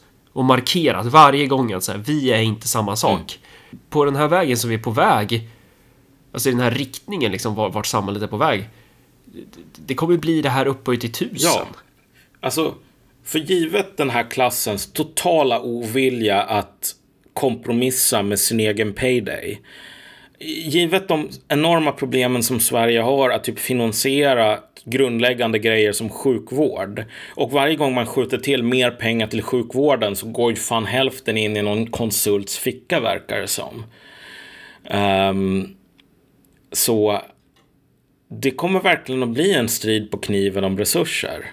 Det är redan ja.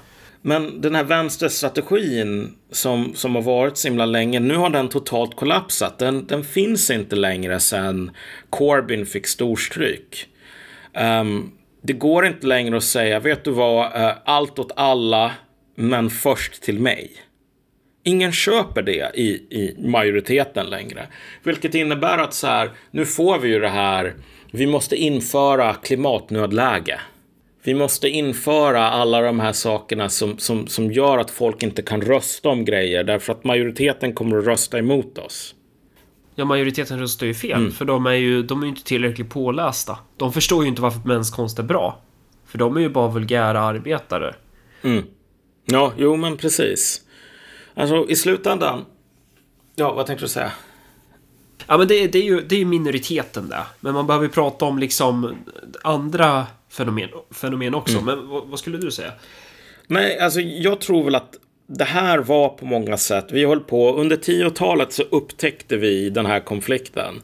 Visst, många kanske Ja. hade någon aning eller någon sån här teori, men det var nu som vi under 10-talet som vi verkligen började förstå just att den här enorma överskottsmedelklassen, Ja. är du också torr i halsen? ja, det är jag, fan, Ja. shit, Ja, men... Ta, dör du? ja, det känns så alltså. Drick vatten. Ja. Nej, men den här enorma överskottsmedelklassen. Den blev liksom politiskt aktiv. Den kunde inte hålla på och gömma sig bakom massor med kulisser längre. Och nu, den vill ha blod. Den vill ha eh, skulls for the skull throne. Den, den, den vill ha sina subventioner, kosta vad det kosta vill. Samhället får gå sönder hellre än att de blir knegare igen. Och det är därför, alltså, och agg, anledningen till varför agget inte riktas mot migranter då i första taget eh, är ju för att det inte är migranterna, alltså papperslösa konkurrerar inte på samma sätt om de offentliga resurserna som till exempel vita pensionärer gör. Fodora-cyklisterna är inte ett hot Eh, mot den skattefinansierade försörjningen. Nej, alltså det, och det här är ju det som är så jävla nice. Man kan ju hålla på och tala om att så här, äh, invandrare tär på statens resurser, bidrag, bla bla bla sådär. Visst, fine. Så är det ju. Um, typ rent statistiskt, speciellt om man nu tar in människor från typ länder där det inte finns en fungerande skola. Jag menar, de människorna kostar pengar. Men jag tror att om vi blickar framåt mot 20-talet så kommer vi egentligen att se två olika poler inom politiken. Båda med liksom vänster och höger falanger internt. Ja. Två poler kommer att, kommer att uppvisa sig. Den ena polen kommer att bestå av den den gamla vänstern och typ liberaler, timbroiter så här. AFA kommer att gå ihop med Timbro. Um, inofficiellt Ja men typ! Ja men ja! Ja! Och du ser redan de tendenserna idag om du går ut på Twitter så här. Ingen nämnd och ingen glömd. Men jag menar, det finns en del samröre och en del samsyn om vart, va- hur, hur dum pöbeln är. Från folk som jobbar åt Timbro och från folk som har liksom bakgrund i den autonoma vänstern, liksom extremvänstern sådär. Uh, och, men så, så de, Timbro, Centerpartiet, Vänsterpartiet, AFA, allt åt alla kommer att smälta ihop. Och det kommer att finnas höger och vänster och vissa som gillar bara jag, jag älskar färgen svart och andra bara jag älskar att läsa Adam Smith. Men målet för de här människorna kommer att vara ett par grejer. Eh, införa en andra kammare i riksdagen, en författningsdomstol, grundlagsskydda eh, kulturbidragen, whatever. Alltså begränsa polit, politikens möjlighet att påverka samhället så jävla mycket som det bara går. Inför nya... Ja, ja begränsad majoritetens Ja. möjlighet att påverka samhället. In, jo, men precis. Men, men inför nya Ja. institutioner som alltså rekryterar, inte genom typ val, utan rekryterar från en viss samhällsklass, en viss social miljö. Ja, typ. Du tar in... Men grindvakter, Ja. du, måste ha, du måste vara certifierad, du måste ju ha gått en viss utbildning eh, för att kunna bli en viss typ av, av eh, tjänsteman. Typ. Nej, men precis. Och, och typ drömmen skulle ju för många av de här människorna vara så att, och vet, politikerna i riksdagen, de får ju typ stifta lagar. Men sen så sitter det något sånt där råd på typ 10 pers som typ anställer sig själva och groomar nästa generation som ska sitta på det här rådet. Ehm, och de kan bara säga, ja men ni får inte stifta lag om det här för att vi tycker att den lagen är dålig. Och okej, hur påverkar man det? Ja, det går inte att, att rösta på de här människorna. Det går inte att rösta nya politiker och det går rent formellt inte att bara, ja, nu ska vi ändra på grundlagen för att de här människorna kommer att säga, men vi tycker inte om den här ändringen så ni får inte göra det. Det är ju drömmen.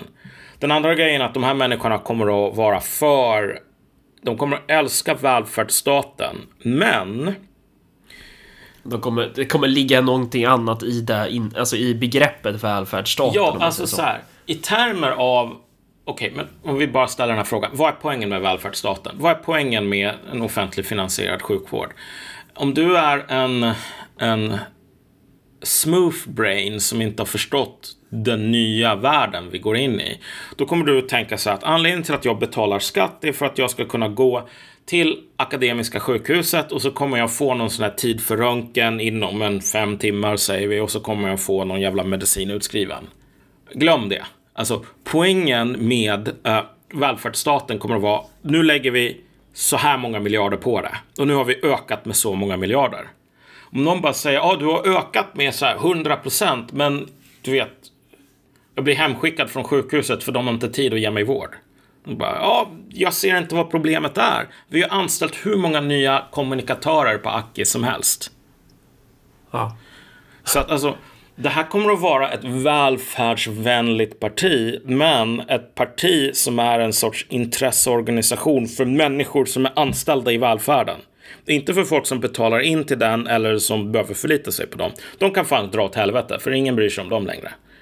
Exakt, de kommer föra en statlig expansionspolitik för, för att försörja sig själva. Liksom. Ja, precis. Och jag menar, högern, den här klassiska moderat, Timbro, bla bla bla, de kommer att ha noll problem med det. Därför att alltså, de, de vill kokettera med det, men de är ungefär samma sorts parasiter, många av dem. Ja, ja, för det ska man ju komma ihåg med den svenska högern och de jävla så här olika avdrag och skit som de inför. Det är ju också bara, alltså, skitmånga av de här välfärdsföretagen typ. Varför ska vi släppa in välfärdsföretagen? Nej, men så här, BNP kommer gå upp typ. Man bara, va? Ja, alltså när man gör det genom skattsedeln, det, alltså, man måste ju vara riktigt dum eller få ganska bra lön för att låtsas som att det är en fri marknad. Uh, en fri marknad definieras inte av att det står en person med en k-pist och säger betala mig eller dö. Vilket ytterst sett är vad skatteintag handlar om. Så här. Det, det behöver inte vara någonting fel med det eftersom jag inte är en jävla libertarian. Men alltså, det är en, inte bara en formell utan en riktigt allvarlig praktisk skillnad på uh... så, så det, staten kommer ju vara en, en, en, en, en liksom viktig arena. Eller så, fan är det en spark in? Det är väldigt öppen dörr spark in och säga så. Att staten kommer att vara en viktig arena. Men, men, men, så är det ju. Att, att, att just den här kampen om de statliga transfereringarna mm. är ju en... Mm, det kommer ju kanske intensifieras så. Um, och sen innan vi börjar prata om stat och kommun um, så kan man ju hoppa över till den andra polen då. Liksom de, alltså fraktioner för majoritetsstyre, typ. Och det kommer att finnas en, en höger och en vänstersida där också. Men... Och det är ju olika former av populister, eller vad man ska kalla det slarvigt, typ. Ja. Alltså, där, där kommer du hitta dig och mig, du kommer hitta Örebropartiet och där kommer du nog eh, i huvudsak hitta Sverigedemokraterna. Men jag tror ju att Sverigedemokraterna har både tendenser åt eh, majoritetshållet och båda majoritetshållets fraktioner i det partiet. Ja. Men att de också har tendenser åt ett elithåll. Att, att det där partiet är liksom inte eh, så jävla sammanhållet. De, de, är det nu, för de har vuxit och, och strategin har varit att försöka konsolidera sig på riksplanet. Mm. Men samtidigt så är ju deras bakgård, alltså kommunerna, alltså det lokala, det är ju helt så här det, det, det, ser ju inte så jävla bra ut på alla håll där, mm. om man säger så. Nej, men precis. Och det är, och det är ju förståeligt, alltså det, det är kanske svårt att bygga ett parti under så kort tid under det liksom trycket som det har varit. Men um, om vi tittar på typ deras ungdomsförbund och olika aktörer i det där partiet, alltså är de intresserade av att avskaffa eliten för att de, att de tycker att det är fel med en elit? Eller är de intresserade av att avskaffa eliten för att de vill vara den nya eliten? Mm. Ja, och det där är ju det där är ju en öppen fråga för ganska många av de här högerpopulisterna skulle jag väl säga. Alltså att frågan är bara så här. Om vi tänker oss typ när Boris Johnson säger att jag ska skära ner på all bistånd och så ska jag ge det till er arbetare uppe i norr. Bara, ni får de pengarna. Det här är någonting som man som ett högerparti kan göra utan att, alltså du vet, avskaffa sig självt. Det kan till och med vara jävligt smart och det är nog antagligen det. Speciellt i ett land som Sverige där alltså det är enorma summor vi pratar om. Um, men frågan är om man vill man skulle nog hellre vilja typ ta och ducka de konflikterna. Därför att jag menar, då kommer man, man kommer oavsett om man tror på det eller inte så blir man indragen i ett klasskrig när man gör den sortens grejer. Men nu är det så att vi går mot en tid där du, du kan hålla på och typ läsa Roger Scruton hur mycket du vill, Rip in Peace förresten. Och så kan du hålla på och säga, ja men vet du vad, jag, jag tycker så här materialism är dålig och jag tycker att vi ska inte ha massor med klasskonflikter utan vi måste faktiskt ta och, och värna de traditionella värdena. Alltså det spelar ingen roll om du tror på klasskriget när klasskriget tror på dig. Ja. Eh, och om det nu är dit vi är på väg med de här klasserna som slåss mot varandra. Alltså om inte du väljer sida så väljer en sida åt dig. Men... Och det är där, för man får ju höra det från högerfolk liksom att Sverigedemokraterna är de nya sossarna typ. Och det finns ju jävligt många sossar i SD, mm. alltså många före detta sossar, alltså vanlig jävla arbetarklass, många gamla gråsossar som röstar på det där partiet och som har en förväntan om att Sverigedemokraterna kommer på något sätt eh, återlansera den svenska socialdemokratin, eller liksom Folkhemsprojektet. Eh, om de gör det ska de ha allt cred och då ska de fan ha stöd mm. för det också. Men eh, jag tror inte att de kommer, jag tror inte att de kommer kunna löpa linan ut faktiskt. Mm. Jag tror inte de kommer klara av det. Nej men precis. Jag tror folk kommer bli besvikna. Och, och det, det återstår att se, men jag har samma attityd som Ronald Reagan här hade angående ryssarna. Så här, ja, du vet, trust but verify. Det är typ att okej, okay, ja, man kan ju säga nej men jag litar på att Sverigedemokraterna kommer att ta, göra det rätta. Okej, okay, men så här. När man, när man litar på att de ska göra den rätta saken så ska man fan ha en plan B. Så att det ja. inte spelar någon roll om det går helt åt helvete. Och det är ju det som är grejen då att om du har ett parti som, som liksom har delar av flera poler mm Eh, då finns materiella motsättningar mellan de här polerna grundade i dessa polers eh, respektive klassbas. Då tror ju klasskriget på ditt parti. Ja. Om man säger så. Alltså, då, då, då, kan ju, då kan ju klassmotsättningar splittra upp ditt parti. Det kommer tvinga fram eh, interna stridigheter som, som, som man absolut inte har varit med om tidigare och så kommer vara liksom längs med frågor som man inte ens har planerat för. Att det kommer komma liksom attacker i ryggen för man har inte Fattar man vad jag menar? Nej men exakt. Jag menar det är nog många inom SD som bara längtar efter den dagen då de äntligen ska bli bjudna på Nobelfesten. Men så här. Poängen är inte att bli bjuden, poängen är att avskaffa den där skiten. Nu talar jag bildligt snarare än bokstavligt, men ni förstår poängen här. Att så här, den dagen du blir inbjuden i stugvärmen så kommer du att bli det därför att de här människorna litar på att du inte kommer att trampa på deras tår. Trots att de är en liten minoritet som historien redan har gjort tummen neråt. Du behöver trampa på deras tår. Det är inget negativt att göra det. Men, men hur som helst, så, så där har du ju de liksom majoritetsorientering. Men, men, om man tänker då de här motsättningarna. Um, alltså, vad kan man se för motsättningar inom liksom majoritetspoolen? Alltså vad, vad, är det vi menar med om vi säger att det finns ett... Är, det korrekt att säga vänster och högerläger? Jag hatar de begreppen. Mm. Ja men alltså, alltså, jo det finns det i, i, i någon sorts mån här. Jag skulle säga att den mest avgörande skillnaden mellan alltså, att vara i den här majoritetsbejakande polen och inte vara det, det har ju att göra med att Alltså vilken klass som du ställer dig, kastar in liksom, din, din du vet, som Gimli, you have my axe, typ. Så här. Fransmännen har ju en bra term för det här. Frankrike från rötterna här. Och det handlar inte bara om att vara vit, utan det handlar om att, ja men vad, Frankrike från rötterna. Så här. Det, det är ett begrepp som innefattar så här, Uh, judar som har bott i Sverige, antagligen också så här, folk från Algeriet som har bott där i ett par generationer och är integrerade så. Alltså, alla de här människorna som typ idag får höra ah, men ni måste ta bli apputvecklare eller någonting annars får ni svälta ihjäl. Ställer man sig på dem, deras sida, men då har man någon sorts majoritetsbejakande impuls här. Men höger och vänsterskillnaden, om vi ska använda de termerna, tror jag kommer att ha mycket mer att göra med... Alltså det kommer ju dels vara lite så här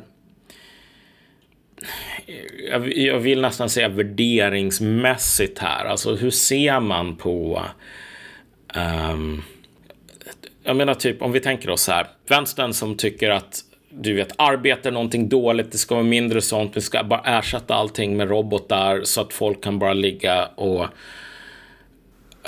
Ja, de kommer ju inte finnas i den majoritetsbejakande nej, nej. poolen. Nej, men precis. Men, men, men mot det så finns ju någon sorts idé här om arbete ger värdighet. Att värdighet är en jävla viktig del av det mänskliga livet. Och att vi, och det här är ju också Marx position, att det är fan, alltså produktionen som är det som skiljer människan från djuren. Djur jagar, visst, men människor producerar. Och produktion är en inherent mänsklig social företeelse. Det är någonting som gör oss till de vi är. Så jag tror att så här, en av de... En sån här skillnad kan faktiskt, i alla fall till ytan, bli bara hur man ser på, om vi nu ska använda den termen, sån här traditionell arbetarklass, kultur, moral, så. Vad tänker du är motsättningen där då egentligen? Alltså inom den poolen? Alltså, jag tror väl att det finns människor som är lite fast i eh, inte gjort sig av med den gamla högerns alla järnmaskar från kalla kriget och det är bara det här med att idealet här är typ någon sån här jävla småborgare. Uh, du vet, idealet är en folkpartist som typ jobbar i någon äger någon liten butiksbod eller någonting sånt. Det är den ultimata säga, medborgaren. Det vill säga problem, det vill säga problemet med eh, den förda invandringspolitiken och att typ, eh, eller ja, inte bara den, utan, utan den förda politiken som får Sverige att bli sämre och bla bla bla bla bla. Det är att man inte kan vara folkpartist längre. Ja, men ungefär. Ja, men det finns, det finns ganska många sådana människor inom, inom, inom högern som bara önskar att sossarna kunde få någon jävla pli på det här landet så att de kunde bli folkpartister istället för att bli någonting som faktiskt gör någonting. Um, men jag menar, jag ska säga så här, min, min vision av det goda samhället, det är inte ett samhälle som präglas av folkpartism. Det är snarare ett samhälle som präglas av den tidiga socialdemokratins värderingar, om man säger så. Um, sen så finns det ju antagligen massor med frågor som du och jag inte har någon aning om, men som kommer att vara saker som verkligen definierar de hårda politiska striderna. Det jag tänker på är ju det här med eh, alltså, syn, alltså dels här skattesats, syn på välfärdsstat, syn på staten överlag, för att det har vi väl snackat en del om också, men typ att etablissemangskritiken idag har väldigt mycket av de tendenserna som är så här att, nej, men att eftersom vi betalar en massa skatt till en massa skit så blir inte slutsatsen att vi ska betala en massa skatt till en massa skit och istället betala en massa skatt till saker som faktiskt är bra mm. och som genererar någonting. Utan istället så blir slutsatsen att vi ska sluta betala skatt överlag. Alltså man, man, man vill montera ner eh, det som har gjort oss till de vi är. Man vill montera ner vårt gemensamma. Eh, för att det gemensamma har missbrukats istället för att ta kontroll på vårt gemensamma. Alltså så, så att det, det låter ju som en klassisk höger-vänster motsättning, men att och det är det väl på något sätt. Eh, eh, men, men det tror jag kommer vara Eh, finnas där. Men typ så här syn på Um, vad, vad, kan det finnas mer? Nu tänker jag högt här. Um, individualism. Mm. Jag skulle vilja säga en sak som hakar ihop med både individualism och det som du just talade om med skatter. Att jag tror att det finns två grundläggande återvändsgränder här, eller i alla fall saker som kommer att som, som lätt blir misstag när man talar om till exempel skatt. Jag menar, typiska vänstermisstaget här heter ju Göran Greider när han håller på och twittrar om att så här, varje typ sänkt skattekrona är en stöld från det gemensamma. Eh, som om ungefär att, du vet, det normala är att man har 100% skatt, skattesats och då sen så får folk fickpengar för det är då som det är som mest, jag vet inte vad, rättvist. Och det där är ju bara bullshit därför att vad man måste anta, vilket inte går att anta idag eftersom typ alla i den här jävla sfären som vi just har gått igenom är hycklare och blodsugare. Det är att om du har den här hundraprocentiga skattesatsen så kan du fan lita med att de människorna som har hand om 100% av samhällets resurser inte kommer och typ hålla på och nalla från den här kakan. Um, så, så det måste ju finnas någon sorts moralisk legitimitet hos användandet av det gemensammas medel. Och det är fan... Ja, exakt. Man måste vara värdig. Ja. Annars ska man inte ta ut någon jävla skattekrona alls om man inte är värdig och faktiskt förfoga över den här utan att hålla på och slösa bort det här eller hålla på och hyckla och stoppa det i egen ficka. Eh, den andra biten är ju den här högermisstaget, vilket är typ som Göran Greider fast i någon sorts skrattspegel, vilket är att så här. Problemet med skatt är att det principiellt är en stöld därför att så här, samhället består bara av enskilda individer. Och kollektiv är så här en jävla alien som kraschar i Area 51 och börjar skicka in så här uppmaningar om att fylla i deklarationen. Och jag menar, här har Marx rätt. Du vet, produktion för att det ska ens ska kunna fungera, det är en social eh, aktivitet. Samhället är en kollektiv social skapelse. Det finns inte någon principiell, om vi säger så, åtskillnad i min värld i alla fall mellan, om vi säger så här, typ okej, okay, jag betalar 25 spänn för um, liksom gå till akuten. Eller så betalar jag 25 spänn i skatt för att gå till akuten. Så här, mm. för att det ska finnas en akut så kan inte det här handla om människor som bara håller på och typ försöker tjäna pengar på varandra. Alltså det, det måste finnas sociala band. Annars så lever vi typ Mad Max. Men det är lite det som, som jag vill nå också, att, att så här, eftersom vi har tagit den här staten för givet, staten har varit så stark så att den har liksom följt oss från vaggan till graven. Eh, den har varit så självklar, det är som typ så här, ja men var, varifrån kommer vatten? Ja men jag bara fyller på, jag bara startar kranen, jag, ingen, jag reflekterar inte ens varifrån, vilken jävla sjö mm. det där vattnet kommer ifrån typ. Eh, staten är någon form av externalitet, den är så självklar. Och det är ju det som har låtit oss bli så individualistiska i Sverige, för att liksom staten har skyddat oss från att rånbögmörda varandra i klanen och hederns namn. Eh, men konsekvensen av det blir ju då också att när staten har varit en sån självklarhet eh, att vi tänker att individualismen är naturtillståndet.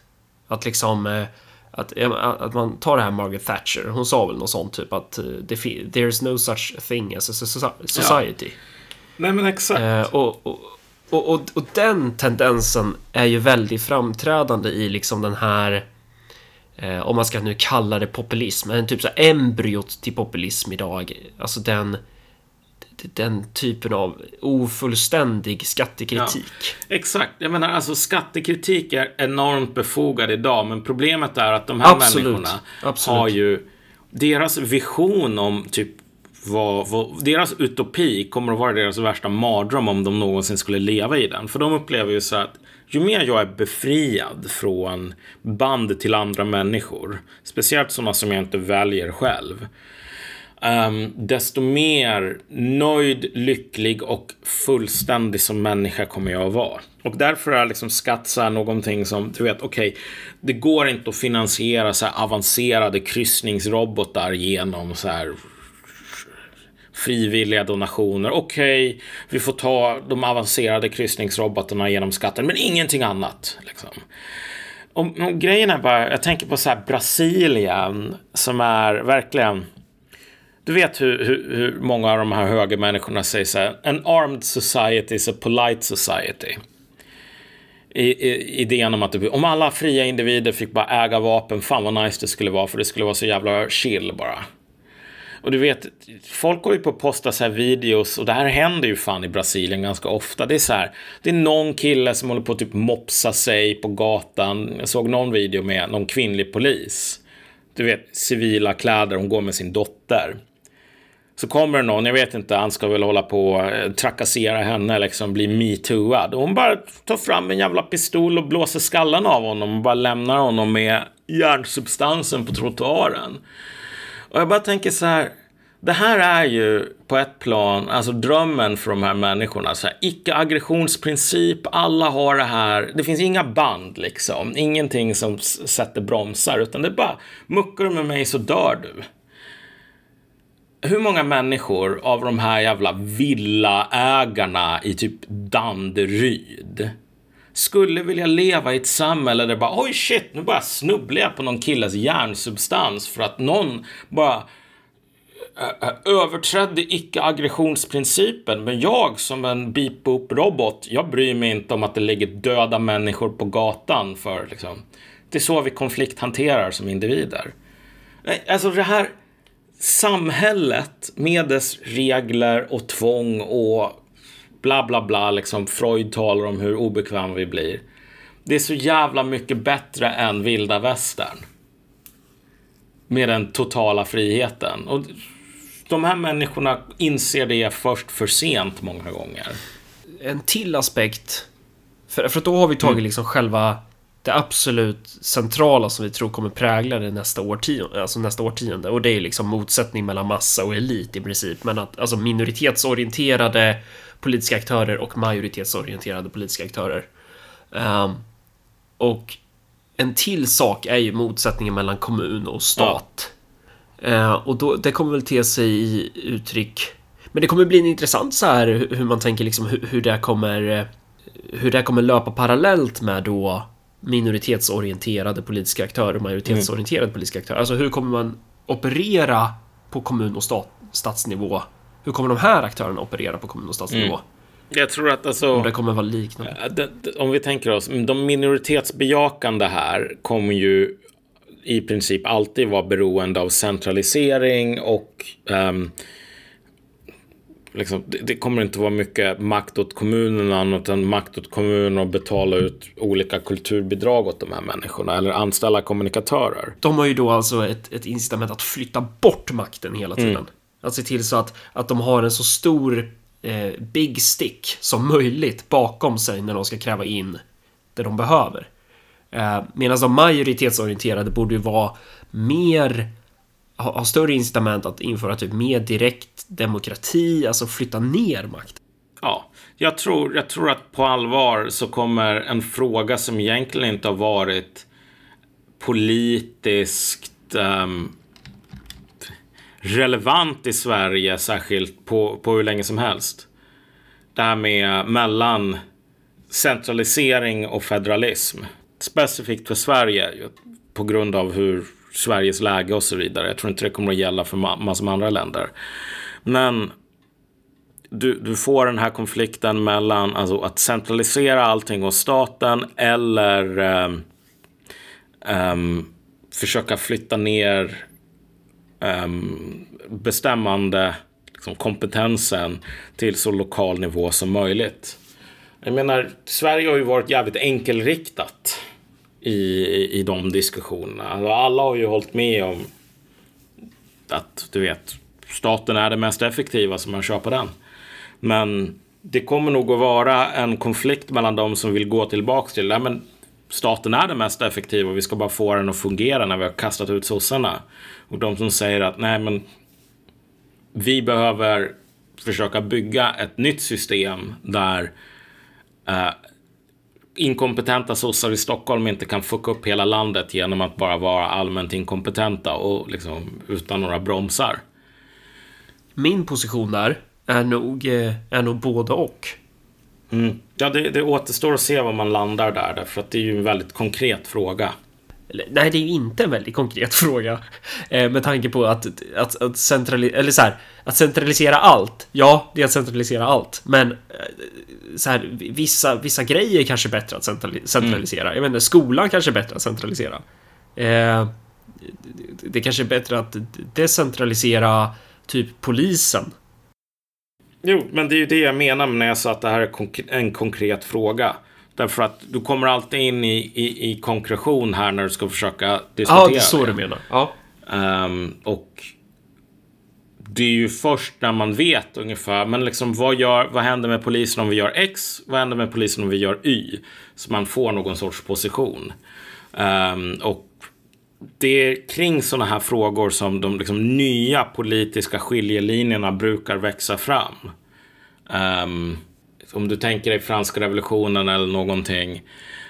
Um, till och med vänster och höger hade ju att göra med positionen till liksom, ska man avrätta kungen eller ska, ska man hålla honom vid liv? Så här.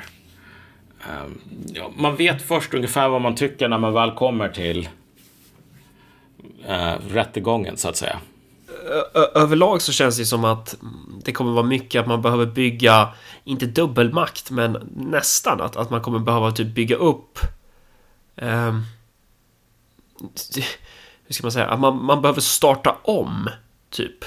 Man behöver typ bygga upp en ny polismyndighet kanske. Um, börja liksom jobba, man behöver bygga upp en ny form av eh, liksom kommunal administration vid sidan av den mm. gamla. Mm.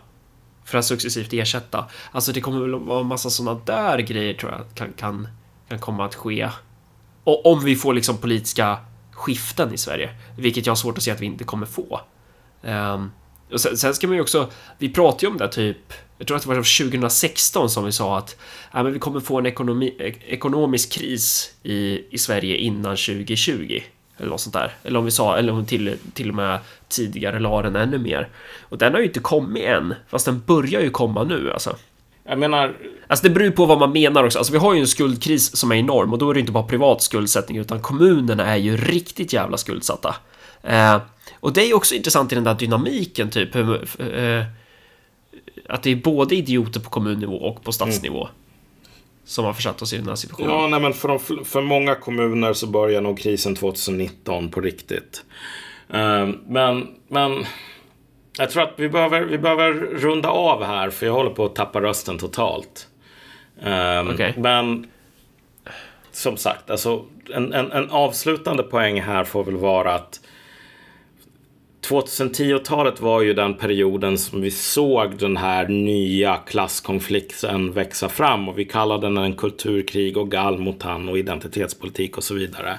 Men jag tror att det är under 20-talet som vi verkligen kommer att se hur de majoritetsfraktionen mot minoritetsfraktionen verkligen stelnar här. Um, och då... Så det är egentligen, man, man kan säga att det, det, här avsnittet handlar ju inte om 2010-talet utan det handlar om en specifik del ja. som vi tror kommer hända. Precis. Um, och det är ju i och för sig kanske den viktigaste delen för politik i väst nu eftersom det är det här som driver på så extremt mycket av politiken. Uh, den här konflikten kring resurser och konflikter kring um, kampen för de här människorna att inte proletariseras och, och deras behov av att subventionera sig själva på andras bekostnad. Um, och jag menar, ja, ja, vi väljer nog majoriteten där faktiskt. Uh, det, det, är, det är någon sorts marxistisk grej att göra det, har jag hört. Um. Ja, jag, jag har hört att marxister att marxister bara vill ha menskonst i tunnelbanan och eh, eh, ha diktatur. Ja, jo, du har lyssnat på Aron Flams podcast hör jag, men du vet.